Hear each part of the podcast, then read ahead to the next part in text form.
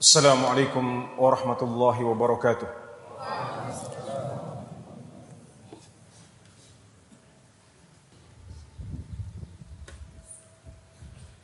إن الحمد لله نحمده ونستعينه ونستغفره ونعوذ بالله من شرور أنفسنا ومن سيئات أعمالنا. من يهده الله فلا مضل له ومن يضلل فلا هادي له. واشهد ان لا اله الا الله وحده لا شريك له واشهد ان محمدا عبده ورسوله صلى الله عليه وعلى اله واصحابه اجمعين اما بعد hadirin sedang Jumat yang dirahmati oleh Allah Subhanahu wa taala marilah di awal khutbah ini kita saling mengingatkan untuk menambah takwa kita kepada Allah Subhanahu wa taala Dengan menjalankan perintah-perintah Allah semampu kita dan meninggalkan semua larangannya. Menambah bekal akhirat kita selagi kita masih punya kesempatan untuk menambah bekal. Mari bercapek-capek untuk beramal selagi kita masih bisa bercapek-capek untuk beramal.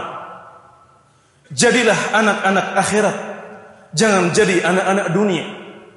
Hari ini adalah waktunya beramal dan tidak ada hisab dan kelak di akhirat yang ada hanya hisab dan tidak lagi kesempatan untuk beramal. Dan alhamdulillah, secapek apa pun kita beramal, maka capek itu akan hilang. Dan yang tersisa adalah pahala di sisi Allah Subhanahu wa taala. Secapek, secapek apa pun kita beribadah kepada Allah Subhanahu wa taala, kalau dari awal hari kita beramal sebanyak mungkin sampai akhir malam, atau sampai malam menjelang, sampai malam tiba. Maka begitu setelah sholat isya kita istirahat 4 jam 5 jam, maka capek itu segera hilang. Dan yang tersisa adalah pahala di sisi Allah Subhanahu wa taala yang akan kita rasakan manisnya di akhirat kelak. Sebaliknya kalau kita mendahulukan nafsu kita dengan bermaksiat kepada Allah Subhanahu wa taala, maka kenikmatan maksiat itu semu dan segera hilang. Dan yang tersisa adalah penyesalan dan dosa serta perhitungan yang menunggu kita di akhirat kelak. Hadirin yang dirahmati oleh Allah Subhanahu wa taala. Allah Subhanahu wa taala telah menjadikan kita dalam keadaan berbeda-beda. Berbeda jenis kelamin, berbeda nasab keturunan, berbeda kemampuan ekonomi, berbeda jabatan, dan juga berbeda tingkat pendidikan dan ilmu. Dalam perbedaan-perbedaan ini, kadang-kadang kita tidak bisa punya pilihan. Ada seorang anak yang lahir dalam keadaan cacat, buta, lumpuh. Sementara anak yang lain lahir dengan diberikan fisik yang begitu sempurna. Ada anak yang lahir di tengah lokalisasi, di tengah keluarga maling, sehingga dipandang remeh oleh masyarakatnya. Sementara anak yang lain dari sejak kecil sudah begitu dihormati dengan menjadi pangeran atau bahkan menjadi raja saat dia belum dewasa.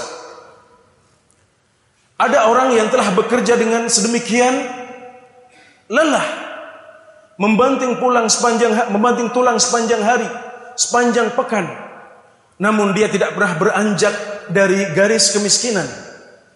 Sementara orang lain begitu lancar rezekinya tanpa harus lelah bekerja. Ada orang yang telah belajar dengan begitu rajin namun tidak pintar-pintar juga.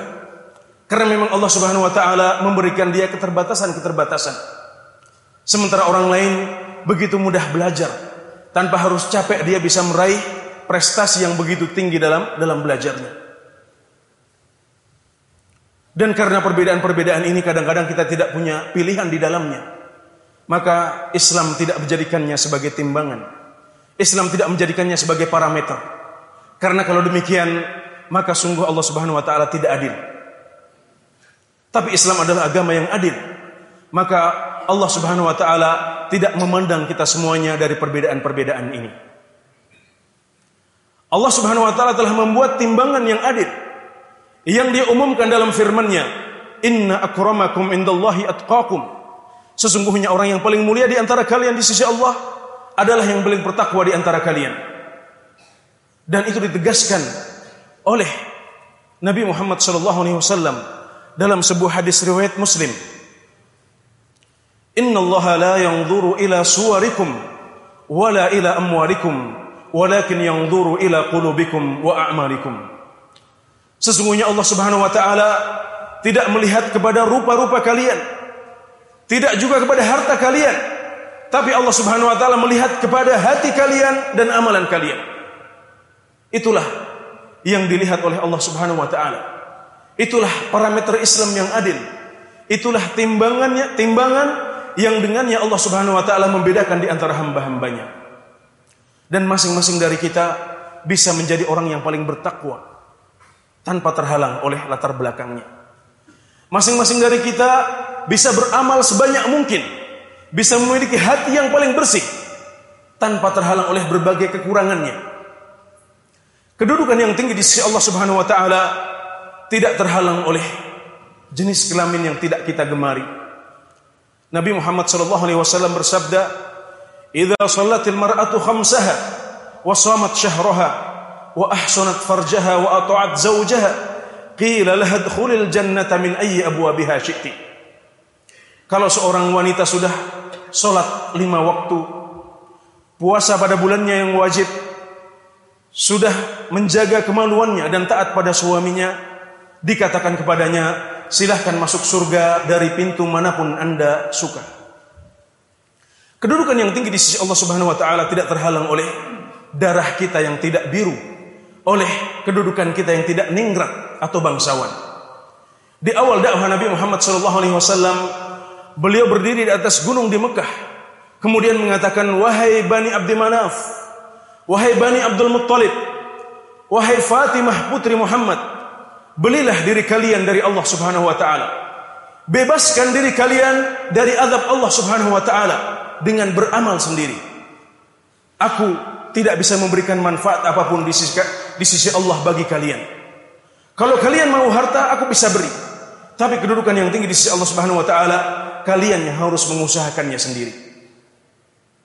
Maka lihatlah sebagian paman Nabi Muhammad sallallahu alaihi wasallam, Abu Lahab, Abu Jahal, mereka adalah para bangsawan Arab, orang-orang berdarah biru. Namun karena mereka tidak taat kepada Allah Subhanahu wa taala, mereka diabadikan dengan keburukan mereka. Dan ini mengingatkan kita akan sabda Nabi Muhammad sallallahu alaihi wasallam, "Man abta'a bihi 'amalu lam yusri bihi nasabu." Barang siapa yang karena amalannya yang sedikit atau salah berada di soft paling belakang, maka dia tidak serta-merta bisa maju ke depan hanya gara-gara dia memiliki darah yang biru atau darah bangsawan.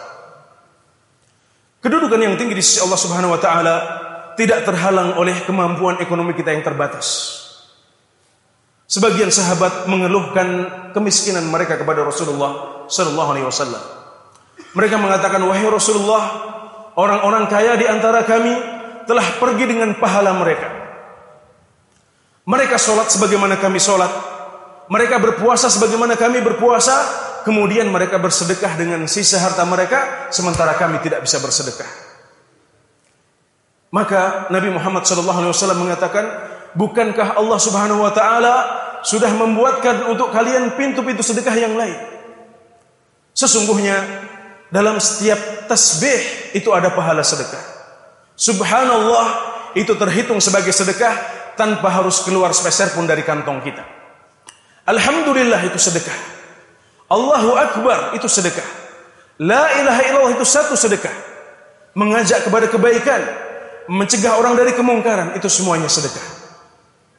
Bahkan pada kemaluan seorang di antara kalian ada sedekahnya. Para sahabat heran. Wahai Rasulullah, apakah seorang di antara kami memenuhi hasrat biologisnya Apakah seorang di antara kami memenuhi syahwatnya, kemudian dia bisa mendapatkan pahala darinya? Maka Nabi Muhammad SAW balik bertanya kepada mereka, apakah kalau dia memasukkannya ke dalam lubang yang halal, dia mendapatkan pahala? Iya, wahai Rasulullah. Maka demikian juga kalau dia memasukkannya ke dalam lubang yang apakah kalau dia memasukkannya dalam lubang yang haram dia mendapatkan dosa? Iya wahai Rasulullah. Kalau begitu, kalau dia memasukkannya ke dalam lubang yang halal, maka dia mendapatkan pahala. Subhanallah.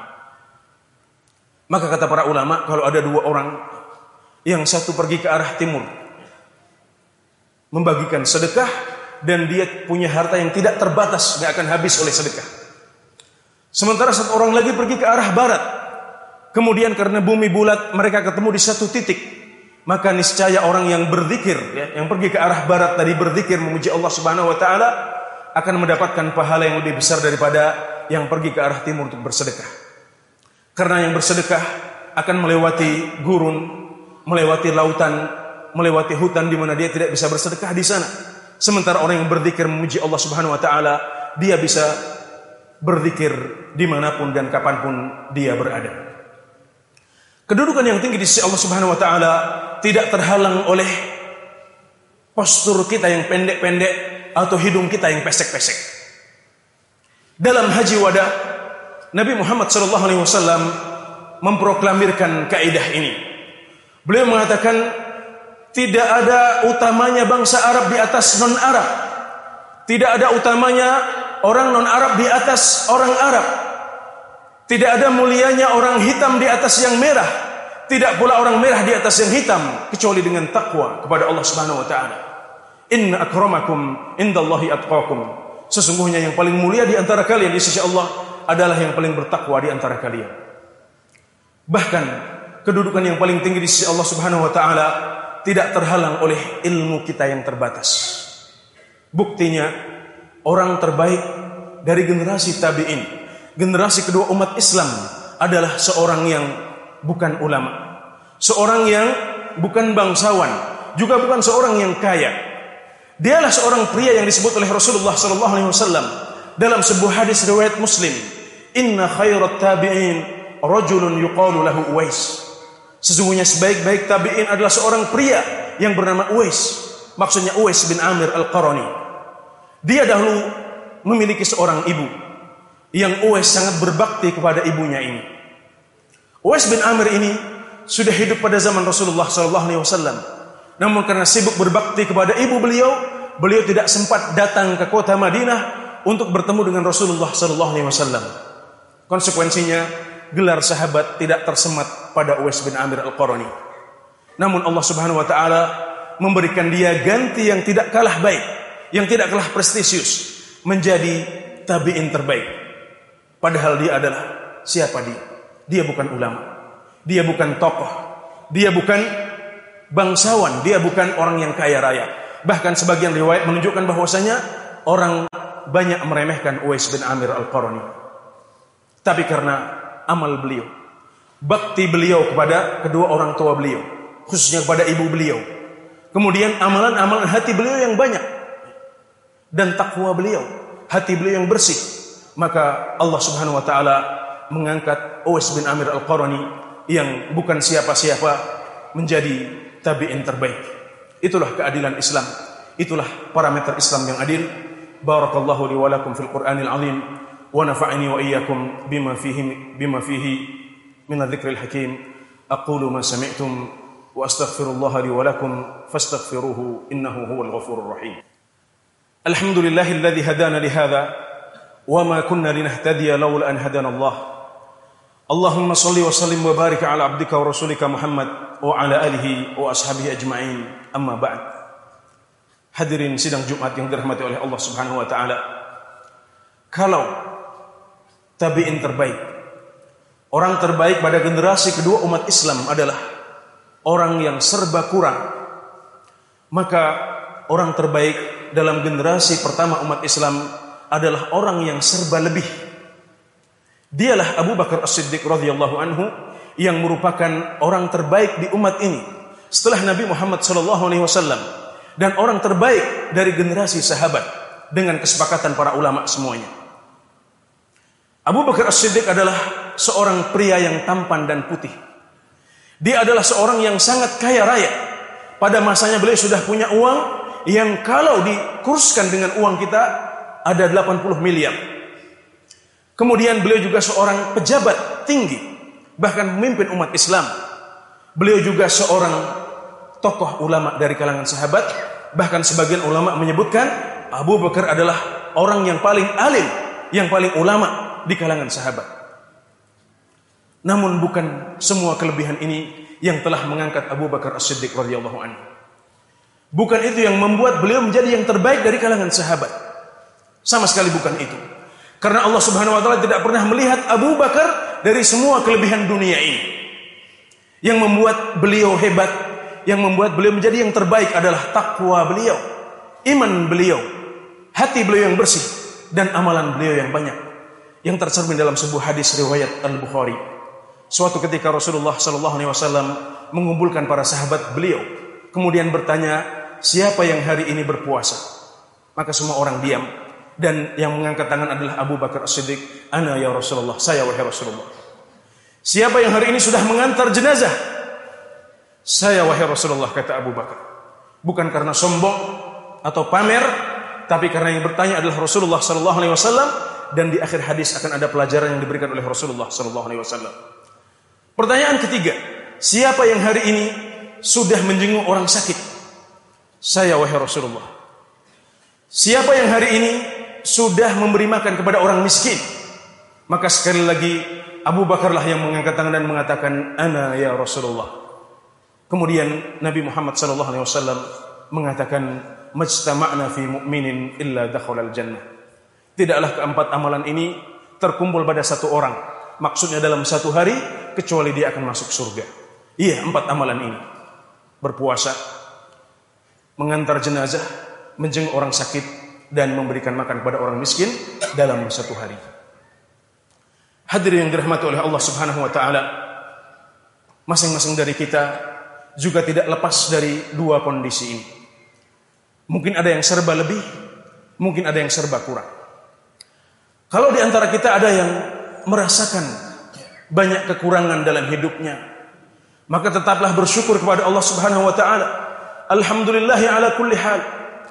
Jangan minder karena Allah Subhanahu wa taala tidak pernah tidak pernah melihat Anda dari kekurangan-kekurangan itu. Anda tetap bisa menjadi yang terbaik. Anda tetap bisa menjadi yang paling mulia di sisi Allah Subhanahu wa taala tanpa terhalang oleh semua kekurangan itu. Jadilah seperti Uwais bin Amir Al-Qarni. Adapun kalau Anda termasuk orang yang beruntung di dunia, maka jangan terpedaya. Ucapkan alhamdulillahirabbil alamin karena semua itu adalah anugerah dari Allah Subhanahu wa taala. Jangan terpedaya karena Allah Subhanahu wa taala tidak pernah melihat Anda dari semua kelebihan itu. Jangan terpedaya dan teruslah beramal. Jadilah seperti Abu Bakar As-Siddiq radhiyallahu anhu yang tidak terpedaya oleh semua kelebihannya, oleh semua keberuntungannya, sehingga dia terus beramal dan bertakwa sehingga akhirnya bisa menjadi yang terbaik.